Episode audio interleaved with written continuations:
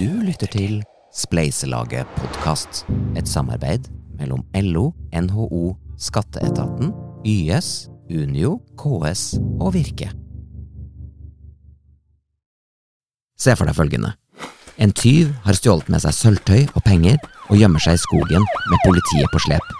Han er etterlyst for en rekke ran av velstående mennesker i et bestemt område av England som heter Nottingham. Men her er det litt pussige. Sjøl om han er tyv, er han veldig populær, ikke minst blant fattige. Særlig for det her slagordet. Ta fra de rike og gi til de fattige! Han er populær fordi han har kritisert skatteoppkreveren, prester og sheriffer i en tid hvor det ikke er lov. Robin Hood levde ifølge fortellinga på 1100-tallet, men lever på mange måter videre gjennom mer enn 30 filmer, en mengde bøker, i tillegg til å ha blitt et symbol på kampen mot urettferdighet, også urettferdige skatter. Hvorfor ble Robin Hood populær, og hvorfor dukker navnet hans opp når vi snakker om skatt også i dag? Spleiselaget podkast handler i dag om skatt og historie. Vi skal høre om krig, opprør, fordeling av rikdom og litt om Robin Hood.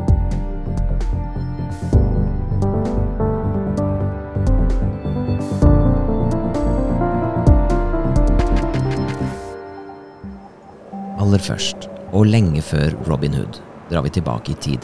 Til det vi tror er det første stedet man begynte å betale skatt, for rundt 5000 år siden.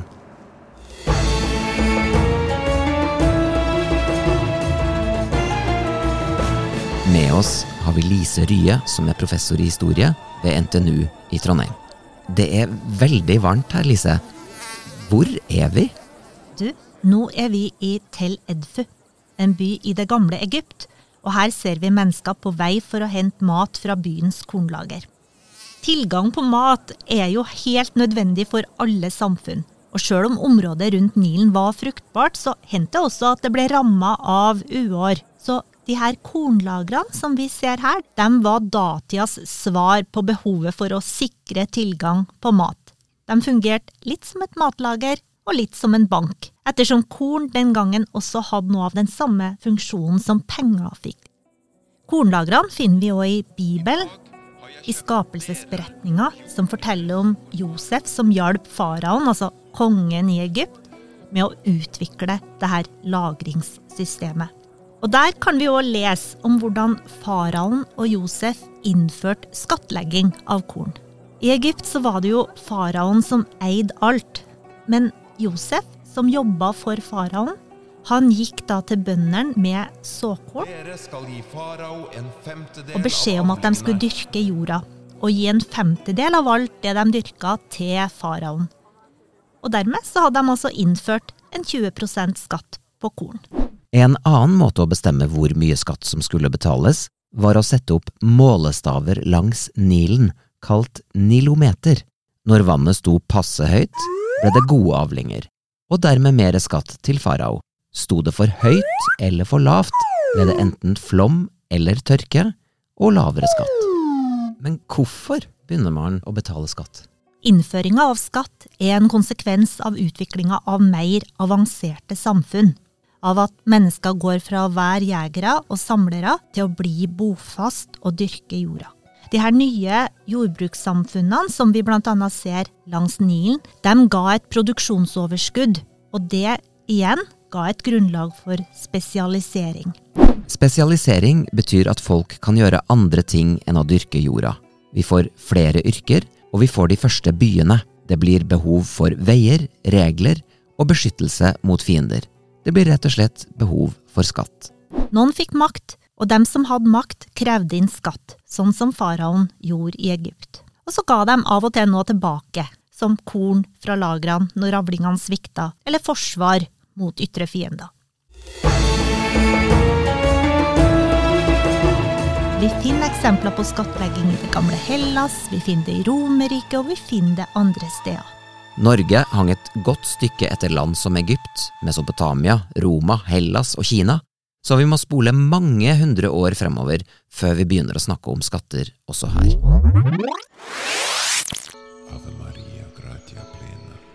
I middelalderens Norge så hadde vi ulike former for skattlegging. Vi hadde f.eks.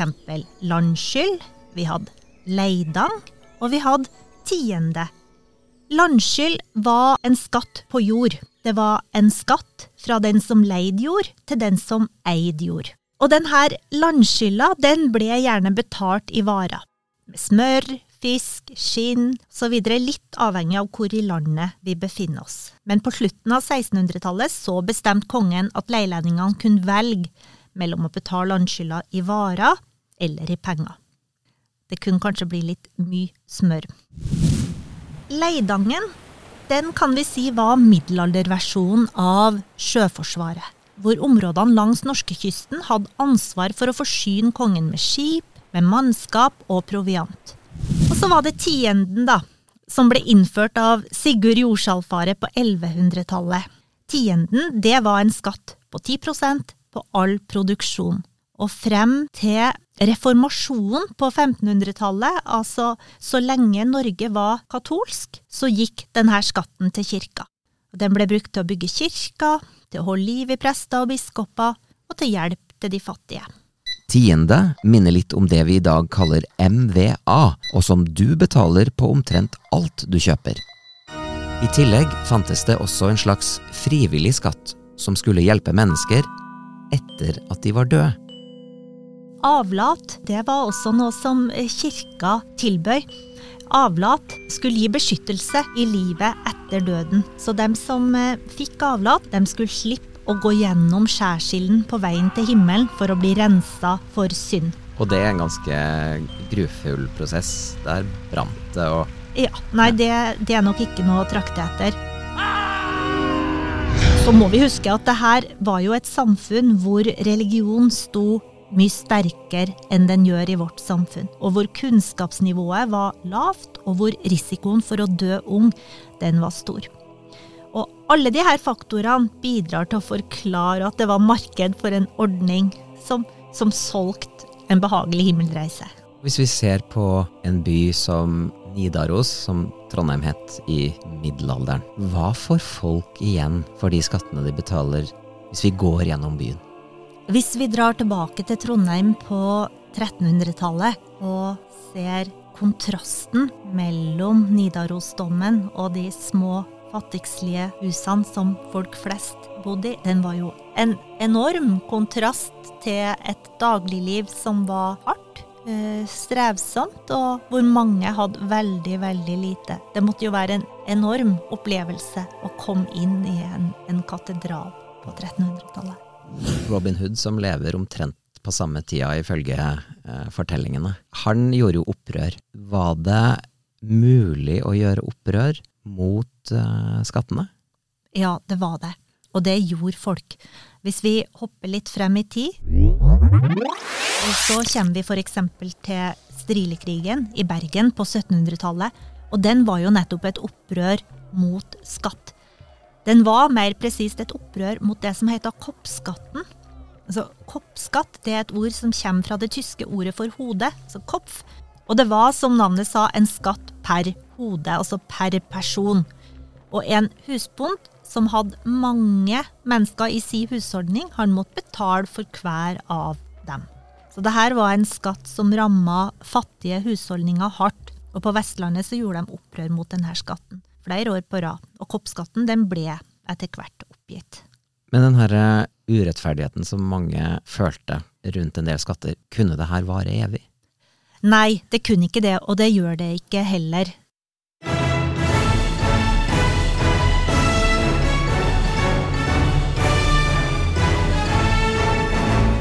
Så noen år etter strilekrigen så bryter jo ut revolusjon i Frankrike. Og den franske revolusjonen den er mange ting, men den er òg et opprør mot et strengt klassedelt samfunn hvor skattetrykket var høyt for fattigfolk, og hvor de fikk lite tilbake annet enn krig og elendighet. Så den franske revolusjonen avskaffa det franske stendersamfunnet, det her samfunnet med sånn strengt inndelt i ulike klasser, og den avskaffa eneveldet med den suverene herskeren som fikk makta si fra Gud. I stedet så vedtok ei ny nasjonalforsamling en erklæring som sa at all makt skulle utgå fra folket. Og etter hvert så får Frankrike også på plass en grunnlov som legger maktfordeling til grunn, og som blir en viktig inspirasjonskilde for vår grunnlov fra 1814. Er Robin Hood fornøyd nå, da? Eller må det bli verre før det blir bedre? Det må helt klart bli verre før det blir bedre. For det første så ser vi jo at ting blir bedre. Det skjer tilløp til et sånt sosialt sikkerhetsnett. Men samtidig blir det veldig mye verre før det virkelig blir bedre. Men ja, Mellom 1914 og 1945 tok to verdenskriger livet av mer enn 80 millioner mennesker. Og mellom de militære katastrofene hadde vi en pandemi og et økonomisk sammenbrudd. Når freden endelig kom i 1945, var det valg i flere land. Og folk valgte å stemme på noe helt nytt. Også i England. London and London certainly did. Today is victory in Europe Day. Det vi ser i England i 1945, det er egentlig ganske oppsiktsvekkende. Det forteller noe om hvor sulten folk var på et bedre liv, og det forteller òg noe om det behovet staten hadde for å gjøre seg lekker for innbyggerne etter tre tiår med krig og krise. For det som skjer, er at Churchill, krigshelten Churchill, den ene som sto opp mot eh, Nazi-Tyskland etter at de, alle de andre hadde backa ut, han blir vraka i valget i 1945 til fordel for Arbeiderpartiregjeringa og dens løfte om velferd fra vugge til grav. Vi er fri. Vi er fred. I Norge ser vi det samme. Vi ser at staten tar på seg en ny og mye større rolle enn det som staten hadde hatt før. Rent konkret så gir jo det her seg utslag i nye trygdeordninger. Og etter hvert så blir de her trygdeordningene, altså syketrygd, pensjon, alderstrygd osv., samla innafor den store ramma av det som blir hetende folketrygda, og som blir vedtatt i 1967. Men jeg har lyst til å nevne en annen ting. I Norge så vedtar man i 1947 Statens lånekasse for utdanning. Og den, tenker jeg, er viktig fordi den gjør det mulig for så mange flere enn før å ta høyere utdanning. Simpelthen fordi utdanning blir gratis, og Lånekassen gjør det mulig å finansiere studietida. Særegent for den nordiske velferdsstaten er at de her tjenestene de er for alle. De er universelle. Og det tenker jeg er en viktig forklaring på hvorfor det norske samfunnet er såpass bra som det er. Og det er en viktig forskjell mellom det norske samfunnet og f.eks. det amerikanske. Hvor du ikke har den samme tilgangen på gratis helsehjelp og gratis utdanning. Her står vi i dag. Norge er et av verdens rikeste land, som scorer høyt på undersøkelser om lykke og trivsel. Men Lise peker på tre store utfordringer for Norge. En handler om globalisering, en handler om demografi, og en tredje handler om individualisering. Vår velferdsstat er for det første tett fletta sammen med nasjonalstaten. Den er utvikla for å fungere innafor ei nasjonal ramme. Men dermed er den også utvikla for ei virkelighet som ikke lenger eksisterer. Vi har internasjonale selskaper som driver business på kryss og tvers, og som knapt betaler skatt. Og vi er avhengig av arbeidsinnvandrere som også har krav på å ta del i de norske velferdsordningene. Akkurat dette siste poenget er strengt tatt ikke et problem. For dem som kommer hit til landet, skaper langt større verdier enn det de henter ut i form av barnetrygd og kontantstøtte osv. Et annet problem er at denne lyden har blitt sjeldnere å høre på norske sykehus. Det er en utfordring at det fødes stadig færre mennesker i dette landet, samtidig som folk lever stadig lenger. I kombinasjon med at en relativt stor andel av befolkninga i Norge lever på trygd, så gjør det her at det blir stadig færre som skal betale for stadig flere. Og så har det gått bra allikevel, fordi produktiviteten er høyere enn før, altså at én person i arbeid produserer større verdier enn før. Men det går jo bare til et visst punkt. Det er derfor vi reformerer pensjonssystem rundt omkring i verden, og det er derfor de her reformene alltid innebærer reduserte pensjoner. Det siste punktet handler om at mange folk mer enn før vil bestemme selv over hva de vil betale for. I praksis handler det om at folk kjøper seg private velferdsordninger, private helseforsikringer, private eldreboliger osv., og, og det her kan ha mye bra med seg. Men det kan òg føre til at viljen til å betale skatt for å opprettholde kollektive ordninger, altså fellesordninger, blir mindre. Og opprettholdelse av gode ordninger for alle krever god skatteinngang.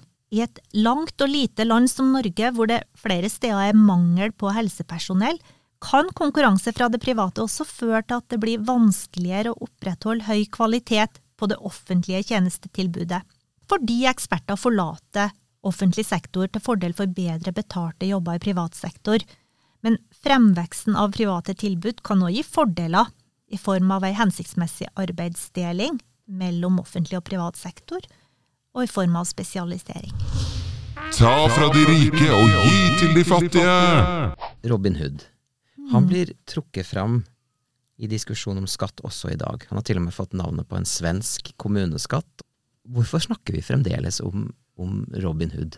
Jo, fordi i bunn og grunn så handler det jo om det samme. Det handler jo hele tida om det samme. Det handler jo om omfordeling.